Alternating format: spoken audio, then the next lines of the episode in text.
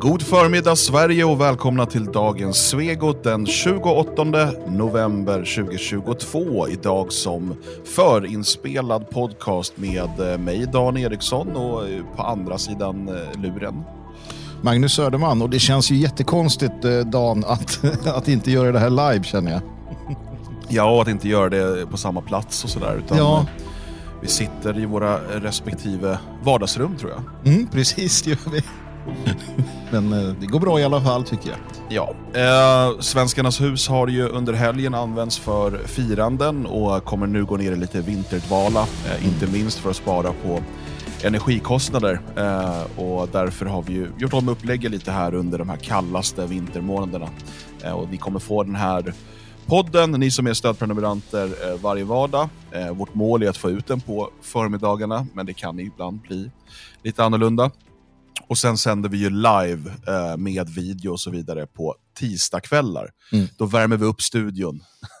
Precis. vi, in, vi är där, vi är på plats. Ja, nej, men det blir trevligt, det blir bra det här och det blir, eh, det blir härligt att kunna fortsätta och sända såklart. Ja, absolut. Eh, har du återhämtat dig efter helgen? Ja, det har jag. Eh, men jag blev väldigt trött och väldigt slut. Jag, det är ju så att man ger så väldigt mycket av sig själv på väldigt kort tid. Uh, dels talen, men sen också det känslomässigt. Eh, såklart när vi träffas allihopa och fem år har gått och, och fem år av uh, svensk strävan och svensk opposition. Ja, man, man, man, minns mycket, man träffar människor och det, det är väldigt intensivt. Så att jag blir helt slut efteråt och, och jag är ju då också nykterist i princip. Så att, jag förstår inte hur ni andra orkar med. ja, nej, vi hade ju ett bildspel också med, med 500 bilder ifrån föreningens historia som, som rullade. Eh, mm. bra att påminna sig själv om hur mycket som har hänt faktiskt. Ja, nej, men det, det är det. Så det var trevligt och, och, tack till alla som var på plats och tack till er alla som ville vara på plats men inte kunde. Nu kör vi fem år till så får vi se vad som händer. Ja. Jag vill passa på också att rikta ett extra tack till alla er som kom med eh, fina presenter. Till, ja, dels till föreningen, dels till mig som hade fyllt år. Ja. eh, var väldigt, eh, väldigt uppskattat såklart och väldigt generöst. Mm.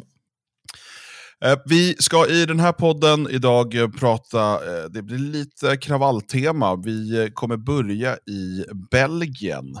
Och där har det ju varit stora upplopp Eh, i, faktiskt i flera olika städer. Det börjar i Bryssel, men det har spridit sig sen till, till fler städer. Och det är så att det pågår just nu någon typ av fotbolls-VM i Qatar. Mm. Ja, nu tänker ni, det är november. Det kan mm. väl inte vara fotbolls-VM nu? Jo då, finns det pengar och korruption så kan allt ske. Uh, så att uh, det pågår fotbolls-VM och då möts då Belgien och, och Marocko. Eh, uh, Belgien storfavoriter, men Marocko gör väl en supermatch, antar jag. Jag har inte sett den, men det är väl förmodligen det som har hänt.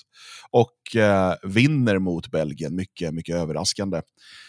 och det här får ju såklart resultatet då utav att marockaner går ut och slår sönder belgiska städer.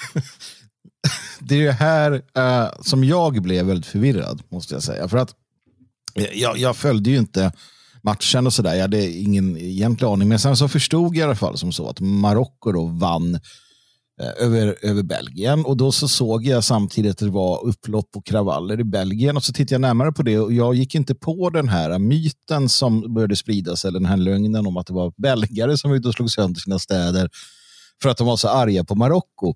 Utan det visade sig då att det var, i alla fall när jag tittade på bilderna lite sådär äh, snabbt, att nej, men det här är ju inte belgare. Va? Det, här är ju, det här är ju marockaner i allt väsentligt. Eller liksom eh, araber eller nordafrikaner eller vad du vill. Och, och de slog sönder städerna. Och då tänkte jag, varför gjorde de det? Med tanke på att de har ju vunnit. Va? Mm. Och sen hörde jag då narrativet som, som spreds. Det var ju det att, att, att belgare var ute och slog sönder sina städer. Och, och värst av alla där var väl, eh, var väl sport, Sportstudion, eller vad heter programmet? TV ja, det som är, som är VM-studion. Liksom. Ja, precis. Mm. Uh, för att där gjorde man ju, en, där gjorde man ju dels, det var lite kul för att dels så, så, så hävdade man ju då att det var belgare. Uh, som gjorde det. Men, men sen hävdade man också att det var lite förståeligt, vilket var rätt kul. Att, att eh, fröken där i studion tyckte att jo, men de är ju arga såklart och att de förlorade. Men... Upplopp i huvudstaden Bryssel och hundratals poliser med vattenkanoner ute och eh, har tvingats ingripa. Ja, det är ju helt eh, fruktansvärda bilder vi ser och, och, även om det såklart inte på något sätt går att, att försvara det så kan man ju eh, ändå på något sätt förstå att det är väldigt, väldigt eh, upprört i Belgien eh, baserat på det som landslaget har presterat. Jag menar, det var ett lag som tog sig eh, till, hela vägen till ett brons i förra VM. Ett landslag som väldigt många har väldigt höga förväntningar på. Så att, att, man, att man blir förbannad och besviken när det går som det går så här långt i det här mästerskapet är ju en sak. Men de där bilderna de vill vi absolut inte se. Ja, absolut, att vara lite besviken, men de har faktiskt inte åkt ut från VM ännu. De har tre poäng efter två matcher. Det här är också människor i mångt och mycket som söker problem, konflikter, som söker en scen att göra på. Och nu hade de en bra anledning. Vi, har tagit, vi förlorade mot Marocko, då går man ut och slåss. Det här är för jävligt såklart. Mm. Eh, men de har ju faktiskt en, ganska, en väldigt god chans och saken i egna händer att gå vidare fortfarande. Mm. Eh, tråkiga bilder att se därifrån och som du säger eh, Jonas, i många av de här tillfällena så är det folk som eh, bara väntar och söker efter ett tillfälle att få, få, få utlopp för sånt här. Mm. Jag vet inte, liksom. jag vet inte vad du tänkte när du såg det här. Eller hur lång tid tog det för dig att begripa vad som egentligen hände? Nej, det begrep jag direkt. Så fort det började, så här, det är kravaller i Bryssel och så såg man film. Och jag menar, om man känner så här, åh, jag vill inte vara rasist, de där kan också vara belgare. Ja, men de hade också marockanska flaggor de sprang runt med. alltså, någonstans måste man ju... Men sen, det här har ju fortsatt ju då, jag mm. vet inte om det är helt under kontroll än. Men sen kom det klipp ifrån, jag vet inte om det också var Bryssel eller om det var någon annanstans i Belgien, Eh, andra eller tredje dagen. Och då är det ju araber som är ute och skriker Allahu Akbar och sådär. Mm. Eh, och då undrar man ju, alltså, det är då man börjar se också att det här är mer, det här är inte fotbollshuliganer. Det är inte det det här handlar om. Nej, det, det, är det inte. Uh, och det handlar definitivt inte om det. Jag, jag, minns när vi var i Bryssel, det var några år sedan. Men, uh, jag, jag, för vi var och tittade på, besökte det här Babels torn, parlamentet. Och, uh, allting där. Men men jag minns när vi gick runt där och, och reflekterade över det faktum att oj vad det här var en, en stad full med främlingar. Alltså det var otryggt och obehagligt um, att, att gå runt där, måste jag säga. Um, och, och, Det är ju en stad som har, landet i sig, som hela Europa, är ju präglat av massinvandring och, och elände. Det har ju varit mycket problem där. Men, men det det visar så tydligt är ju att de är alltså glada nu. De vann. Uh, och när de vann för det börjar ju med det. Det börjar ju med kopplingen till, till matchen såklart. Och det börjar med att de vinner och blir så glada så att de går ut och slår sönder det land som har tagit emot dem och troligtvis gett dem väldigt mycket i, i form av eh, bidrag och, och, och eh, försök att integreras och försök att bli en del av det samhället. Och det, det tackar man då på det här sättet. Och sen ju längre tiden går desto, desto fler av de här människorna eh, blandar sig i och, och, skapar då ännu mer våld och kaos och elände. Och här ser man ju så tydligt eh, den, den sanna bilden av den, eh, den värld som, som EU-politruker och, och ja, inhemska politiker har skapat. Det är det här som blir av och frågan är liksom hur vi någonsin kan komma ur det på, på, på, på helskinnade. Det, det går ju inte. Mm. Jag skulle nog tippa att det som sker här är ju att i, i det här glädjeruset uh, utav att ha vunnit matchen så är det liksom hatet mot värdfolket som, som bubblar upp inom de här människorna. Mm. Um, det, det som de går och, och liksom bär på hela tiden. Och precis som i Sverige tar det sig uttryck i olika typer av förnedringsrån och, och liksom antivita uh, uttalanden, antikristna uttalanden. Allt det här som vi ser från, från invandrargrupper i våra länder. Eh, och det blir som en, som, en, liksom, som en katalysator och fotbollen kan ju ha den, den effekten. Jag minns eh, i, i Skogås där jag växte upp hur inför att Sverige och Turkiet skulle mötas någon gång så mm. samlades turkarna eh, på skolgården och brände svenska flaggan. Mm. Eh, och enda anledningen till att det inte spårade ur mer, det var ju att vi svenskar var liksom fega och, och, och ja, vi, vi sa väl någonting, men det blev ju aldrig något.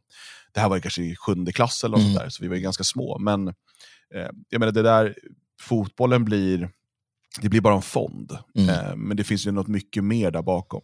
Verkligen, och sen, sen tittar man då på hur det här att, att alltså jag, blir, jag blir lite beklämd och jag blir, jag blir arg för att det är så många som inte vet vad som pågår. Och, och, det är lätt någonstans att förstå våra medmänniskors okunskap också. För att jag, jag bara bläddrar här på SVT och SVT får väl då ändå anses utav människor i gemen som det här. Det är, det är public service, det är pålitlighet, det är det är de som så att säga då eh, levererar. Och så, så tittar man lite här och så står det tumult utbröt i Bryssel efter VM-matchen. Vattenkanoner sattes in mot supportrar. supportrar. supportrar. Du, man tittar på bilderna därifrån och ser då samma, visst det är, det är övervägande unga män, men man ser ju fortfarande, det är ju hela klanen som är inblandad. Det är ju gubbar och, och kärringar och allt möjligt som är ute och ränner runt där. Mm. Um, när, man, när man har tittat på det. Och som du säger då, så är det någon sån här form av sinnessjuk jävla uppsluppenhet kring att man vann för att sen övergå till så här rent hat mot, mot poliser eller staden eller ja, marken man beträder. Det, det är uppenbart. Och, och, och, det är någon, någon, någon sjuk form av liksom, ja, alltså, jag vet inte, men som du säger, det börjar med den här glädjen över att haha, där fick ni. Eh, och sen så hånar man och jag läste på, på Twitter där hur eh, belgare berättade då att eh, eh, människor som bor i Bryssel då, berättar att, att de, de började ex, vara extremt hånfulla mot, bel, mot supportrar, belgiska supportrar. Uh, och så här, just gick runt och så här, eh, skrek Allahu Akbar åt dem och uh, på alla sätt och vis försökte förnedra och förringa uh, den värdnation, den nation som har bjudit in dem och, och liksom närt dem i sin barm. Um, sen har väl säkert någon belgare, här, folk har väl gett tillbaka, det kan jag säkert tänka mig. Det finns nog sådana där också. Och så, så blir det så här och sen, sen passar man på. Det, det är som vi har sett i Sverige så många gånger också, när det väl börjar, när gnistan bränner till, mm. då kan det ske överallt. Och det är det här som samhället och svenskarna i, i, i Sverige eller då europeer i olika länder, de är inte beredda på vad som händer när, när, när, den här, när det flammar ut. Mm. Nej, så är det verkligen.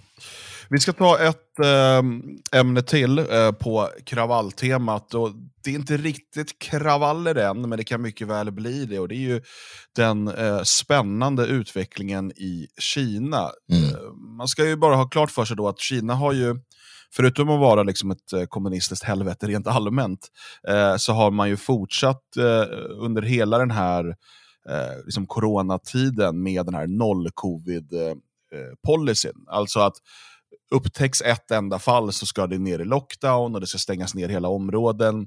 Eh, jag tror att många har sett de här filmklippen på människor som i panik springer från köpcentrum eh, eftersom att någon inne på köpcentret ska ha testats positivt. Eh, och då stänger man ner och sätter folk i karantän i det här köpcentret. Eh, vi, det finns massor av sådana saker. Det, det, är tester varje dag. Mm, det finns eh, gott om bilder och filmer på de här Eh, kilometerlånga köerna eh, där alla måste testa sig varje dag. Eh, det, det, är, det är helt absurt. Och, eh, något som skedde här om dagen då, det var ju en, en brand i ett eh, våningshus, ett lägenhetshus, eh, där människor var inlåsta. Eh, i karantän så att säga. Eh, och jag vet inte exakt hur de hade gjort i det här huset, men vi såg ju åtminstone i början av pandemin eh, så såg vi hur man svetsade igen dörrar och så vidare. Eh, så om det var det som hände här, det vet jag inte, men, men det finns många rykten och sånt. Och det här i sin tur verkar ha väckt en gnista hos eh, kineserna. Ja, och um, det hände ju något också här tidigare innan det här. Och det, alltså, jag har inte varit i Kina, jag har liksom inga, inga sådana kunskaper om Kina, men man har ju ändå läst på lite grann och förstått Uh, till exempel så, så var det ett utbrott som skedde i eh, en fabrik för iPhones, tror jag det var. Eller man, man, någon, någon testade positivt på en fabrik för iPhones. Så då, då tänker vi kanske att ja, men det är en Eh, som hundra pers som, som sitter i fabriken och, och, det blir någon så. Det är det inte, för det är i Kina. Det är tusentals människor som, som befinner sig i Alltså, de har ju hela industristäder. Alltså en, en fabrik kan ju vara som en mindre stad det är tiotusentals människor. Det, det, är en sån uppskalad värld att det är svårt att begripa. Men i dessa liksom, egna världar utav, utav fabriker så, så händer detta. Och då, då gör man helt enkelt så från myndigheten att man stänger allt. Man låser in alla människor. Um, så det sitter ju människor inlåsta både här och där i Kina. Och, och, I det här fallet så ville man inte bli inlåsta utan det verkar som att kineserna börjar tröttna så att där utbröt ju regelrätta utbrytningsförsök och, och ganska eller rejäla attacker med, medelst det man hittade då för att eh, helt enkelt slå de här myndighetsstyrkorna som kommer bort från, från området. Jag vet inte om det, man lyckades bryta ut och så. Och sen händer det här, sen sprider det sig. Det, det, det, delas på sociala medier, den kinesiska censuren slår till stenhårt, man stänger av sociala medier. Man, eh, du kanske kan berätta det här Dan, för det är intressant. Man gjorde så att alla som, var i, alla som var på den platsen blev röda i sina mobiler. Mm. Va, vad innebär det tror Ja, det är ju ett sätt att eh, då, då, kan man inte gå in på olika ställen, eh, du kan inte handla på vissa ställen. Eh, det är ju en del av det här sociala kreditsystemet. Mm. Ehm, det är ju en kombination, de här i Sverige eller i, i Europa, västvärlden, så har vi ju haft så kallade vaccinpass. De finns fortfarande eh, och används på olika ställen runt om i, i väst eh, inom flyg och, och annat. Eh, och Det är ju en liten försmak av det som man har i Kina. Klaus Schwab eh, från World Economic Forum eh, var ju nyligen och uttalade sig om att Kina är en stor förebild. Eh, de har liksom kommit mycket längre i den här eh, strävan efter eh, den, den värld han tror på.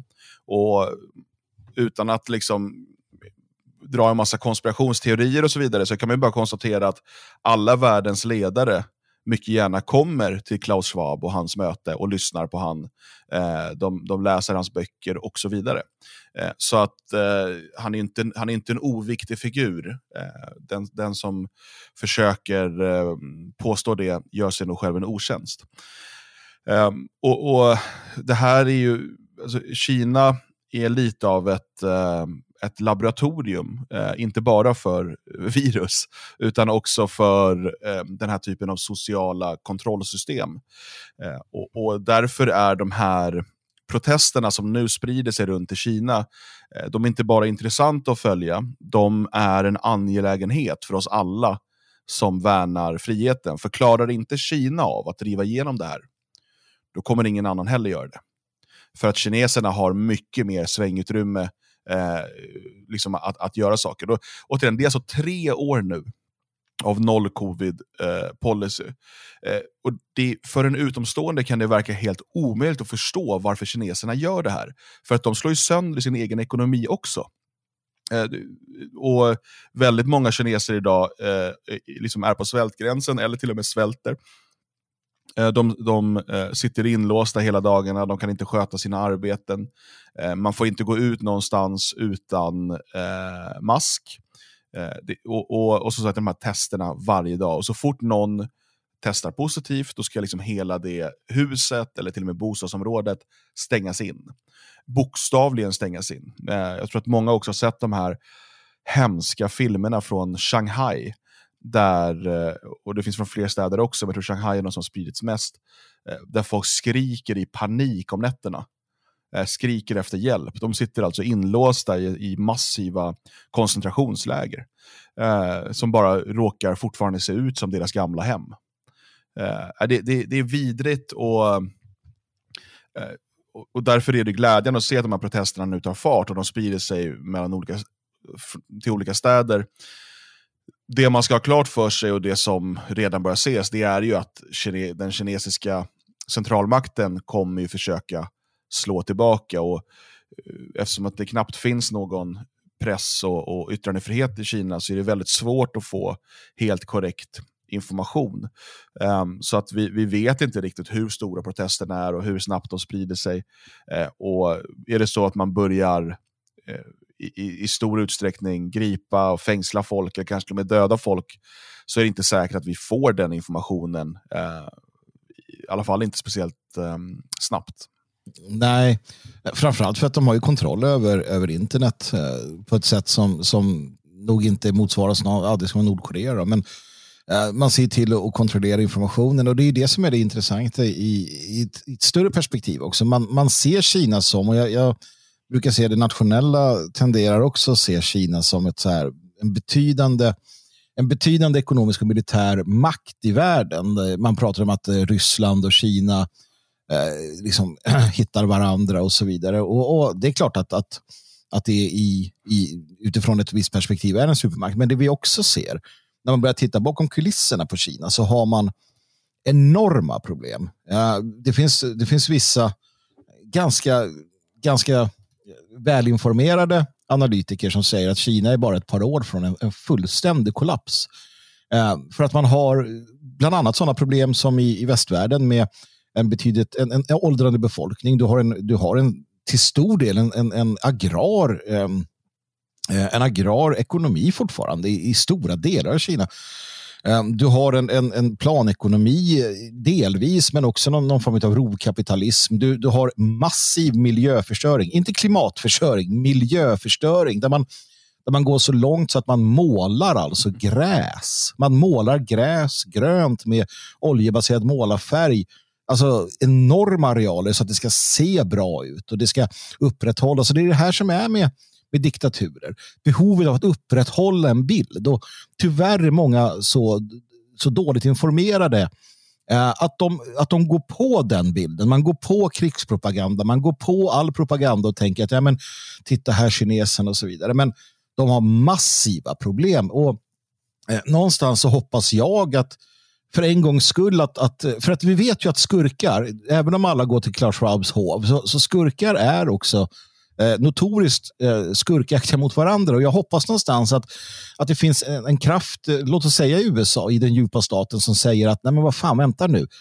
Eh, vänta, skit i det här nu. Titta Kina, vi behöver låt oss försöka knäcka Kina. Låt oss hjälpa de här eh, som protesterar med, med en färgrevolution som för en gångs skull kan göra någon nytta.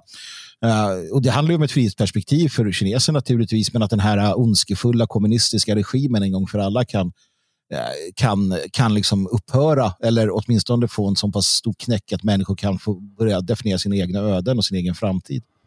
Ja, det finns ju säkert de, jag vet inte bland våra lyssnare, men, men eh, säkert där också, eh, som skulle hävda att Kina är någon typ av nationalistisk förebild, att det är ett nationalistiskt land och sådär. Eh, för att man, och jag antar att det är då för att man har vissa grader av protektionism. Eh, men Eh, det finns ju egentligen ingenting eh, med Kina som, som liksom lirar med den västerländska synen på nationalism eller, eller en frihetlig nationalism. Eh, för det första så är Kina ett mångrasligt eh, och, och, och mångetniskt imperium. Det är inte en nationalstat det, är inte, det finns inte bara ett folk i Kina. Vi pratar lite löst här om kineser, men, men det är inte så. det, är ett, det är ett massivt imperium och jag menar, det är inte min sak att, att bestämma eh, hur det ska vara i Kina, men, men eh, en, en drömvärld vore ju Kina uppdelat i många, många, många mindre autonoma nationer. Eh, och liksom Det är det ena. Det andra är att det är ett materialistiskt, kommunistiskt styre. Ja, de har anpassats efter tiden och liksom blivit eh, infört vissa delar av kapitalism och kanske alla de dåliga delarna av det.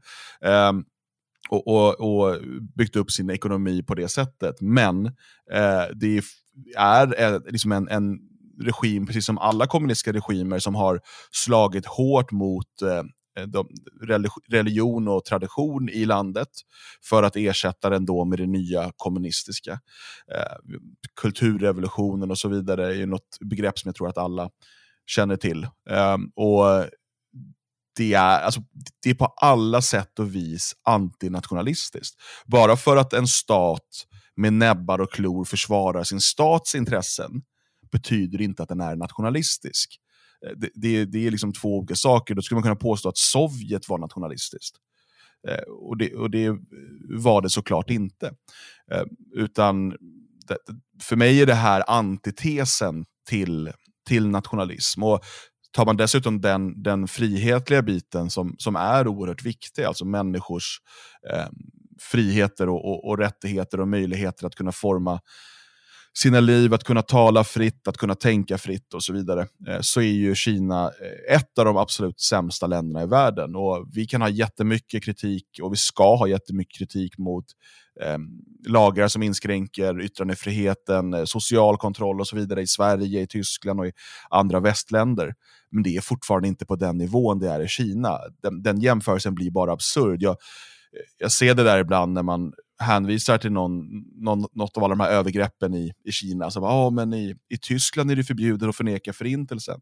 Så bara, jo, det är dåligt att det är så också. Men det kan det, det, det är inte ens äpplen och päron, det är liksom ett citronträd mot en citronkärna. Liksom. Ja, men visst är det så. Och där blir det också så där att utifrån det perspektivet, som sagt, Kina är ett laboratorium för social kontroll. Ibland, eh, man försöker hitta vad olika nationer har för roll i det här spelet och det, den, den rollen har de utan tvekan. Om man tittar lystet, det är samma sak med, med eh, Kanadas eh, premiärminister eh, som också uttryckt beundran för, för Kina och deras förmåga att avancera, sitta i det fallet var det miljöarbetet som är så absurt så att man, man tror att det är sant. Men, eh, men, men, så är det och därför är det bra när det går dåligt för den kinesiska staten.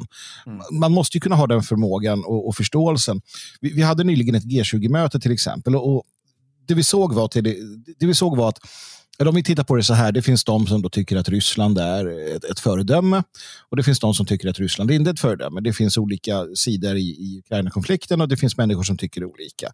Men den här idén om att då Ryssland också skulle vara någon form av motkraft mot eh, någon, någon, form av eh, eh, liksom världsvid eh, idé om, om eh, överstatlighet, att, att man behöver den här, eh, någon, någon form av världsregering eller världs Eh, världsomspännande kontrollsamhälle. Att, att Ryssland skulle vara någon, någon motpol mot detta eh, visar sig ju väldigt tydligt att det inte vara så eftersom man, Ryssland var på detta G20-möte och var väldigt överens med övriga länder eh, om hur vi skulle gå vidare med social kontroll av världens befolkning.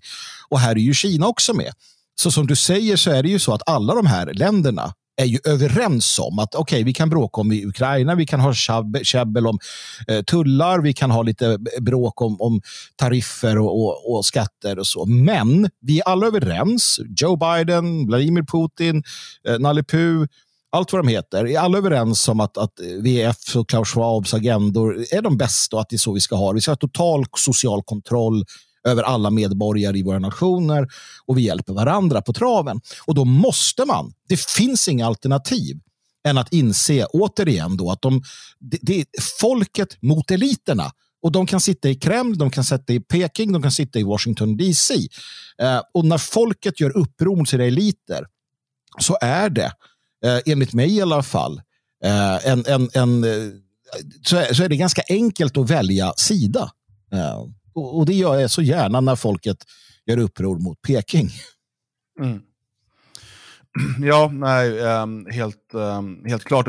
Bara för att visa på hur absurt det är i Kina, uh, så är det ju så att det här eh, uh, fotbolls-VM som gör marockaner galna, uh, har, det sänds ju också i Kina. Med den lilla skillnaden då att man, man har en egen produktion. I början så eh, sände man samma tv-bilder som alla andra, dock med lite fördröjning. För att man skulle lägga en sån här blurrning, alltså, vet, som man gör när någon är misstänkt, men man inte vill hänga ut personen, på hela publiken. Eh, numera så eh, har man det till viss del, men framförallt så har man en egen produktion där man aldrig får se närbilder på publiken, utan så fort kanske vår produktion visar närbilder på publiken, så visar eh, kinesisk tv kanske domaren eller gräsmattan eller någonting annat. Eh, och Anledningen till det här är ganska enkel. Kineserna ska inte få veta att i resten av världen, i stort sett, så står inte folk överallt med maskerna på sig. Då, alltså, då, då måste man ju förstå att den här regimen, den är, den är så väl medveten om vad den gör. Och att i resten av världen håller vi inte på med de här maskerna längre. Folk har lämnat den bakom sig. Men vårt folk ska inte få veta det. Så tänk att du sitter där i Kina, ska kolla fotbolls-VM, du har liksom friterat dina hundben eller vad de nu äter till när de kollar på fotboll, eh, och, och häller upp ett glas risvin. Och sen, sen ser du hur eh, liksom publiken är liksom pixlad. någonstans, det måste ju bli så här, varför är det så här? Eller, det är så himla konstigt. Och att eh, Antingen så, så funkar det så att, att kineserna bara, oh, men det är väl så här det är. Eller så är, alltså, så, så är ju eh, producenterna och de som tar de här besluten väldigt naiva. Mm. Ja, det, där är ju, det finns ju en hel vetenskap kring, kring eh, människor och, och diktaturer. Samma sak i Sovjet där det var ju väldigt många som var delaktiga i att upprätthålla en, en statlig censur som var så absurd så att den den, den till sist var så absurd att den, den gick knappt att upprätthålla, men, men man gjorde sitt bästa och sen så skickade man varandra till, till eh, uh, Gulaglägren och så här. Jag menar, vi, vi, vi, har ju kunnat se likadant delvis, eller vi har kunnat förstå bättre hur, hur det här händer i samband med coronan, över, coronanedstängningen och sådär. Det, det var väldigt många som var väldigt, väldigt snabba med att bli eh, medlöpare. Eh, väldigt många som var väldigt snabba med att, att eh, jag menar, med att eh, ja, till och med ge sig på sina egna i familjen eller i liksom den nära vänkretsen. Och det vart otrolig polarisering och man, man hittade vi och dem. Och har du väl investerat i, i det här fallet i kinesiska staten, du, du är en del av det, du får dina fördelar av det, då är det ganska lätt att fortsätta. För att det, det, är inte en nationalistisk regering eller regim eller stat, det är inte att man har allas väl, utan det är en elit, i det här fallet den kommunistiska eliten, partieliten som är ganska stor, som ser alla andra människor och varandra som brickor i ett spel. De är materialister, de är gudlösa och det enda de ser, det enda de har, det är mammon som, som, eh, liksom, som Gud.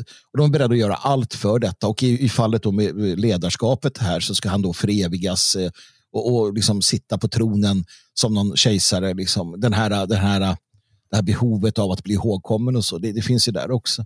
Eh, och människor är, är ganska snara till att bli ansiktslösa eh, ansiktslösa tjänare till ett sånt system. Om de får lite, får lite extra fina lägenheter och en bil med speciella skyltar så de kan köra mot rött. Liksom. Och det är det vad de får. Smulor. Människor är beredda att sälja varandra för smulor. Det är vidrigt att se, men vi är inte bättre. Mm. Eh, som som, eh, som liksom kollektiv. Tyvärr, det är därför ma massmänniskan och kollektivet och pöbeln är något av det värsta som finns. Ja, eh, på tal om det, då kan man väl rekommendera eh, Gustav Le Bons bok, finns på logik.se, eh, som väl heter, heter den kollektivmänniskan, heter den så? Uh, jag blir också helt förvirrad. Mass, massans psykologi. Massa psykologi, så är det. Ja, kollektivmänniskan, kollektivmänniskan är, är Mark Hensel, ja. Den finns också. Precis. Ja. Uh, nej men absolut, de böckerna är, är båda två bra. Uh, Le Bons är ju standardverket för att förstå och den är fortfarande giltig. Ja. Så, alltså det är över hundra år på nacken. Fortfarande lika giltig. För människans psykologi förändras inte. Här förstår man, har man läst den, som, som vi har gjort, både jag och Dan, studerat den noggrant, så förstod vi ju vartåt det bar hän. Mm. Uh, vi förstod hur det skulle bli. Uh, och vi förstår när, när, nästa pandemi kommer, när nästa kris kommer, så förstår vi hur lätt det kommer vara. Det är det som också när man inser det, man blir en, en människa som blir mer robust. Det vill säga att vi förstår vad vi kan förvänta oss och inte förvänta oss av våra medmänniskor och samhället i stort. Och då kan man på förhand um, på olika sätt och vis då, uh, skapa uh, trygghet mm. för sig själv och sina nära och kära och inte tillåta sig att bli en del av det. Det är ett vaccin, ett, ett gott vaccin att, att ha kunskapen om uh, pöbeln. Mm. Alltså Massans psykologi av Gustav Le Bon finns på logik.se och eh, ja, bör finnas i varje bibliotek om inte annat. Eh, alltså i varje hemmabibliotek. Eh, du ska inte förlita dig på det kommunala biblioteket. Där kan du förlita dig på att det finns en hbtq-hörna för barn. men kanske inte så mycket av den goda litteraturen som, som behövs. Så bygg ditt eget bibliotek hemma. imorgon då kommer ni få dubbelt upp alltså supergott eh, utav eh, Tagen Svegot. Mm. Eh, det kommer ut en podcast eh, under dagen först, eh, som kommer vara ungefär som den här idag. Eh, och sen på kvällen sänder vi live med video på alla de normala kanalerna. Och det är startklockan 20.00 och jag hoppas att vi har många som är med och skriver i chatten då och, och delar den kvällen med oss. Nu så ska vi jobba vidare med allt annat som rör både Radio Svegot men också föreningen Det fria Sverige. Eh, och tackar så mycket för din uppmärksamhet och önskar en fortsatt trevlig måndag. På återhörande.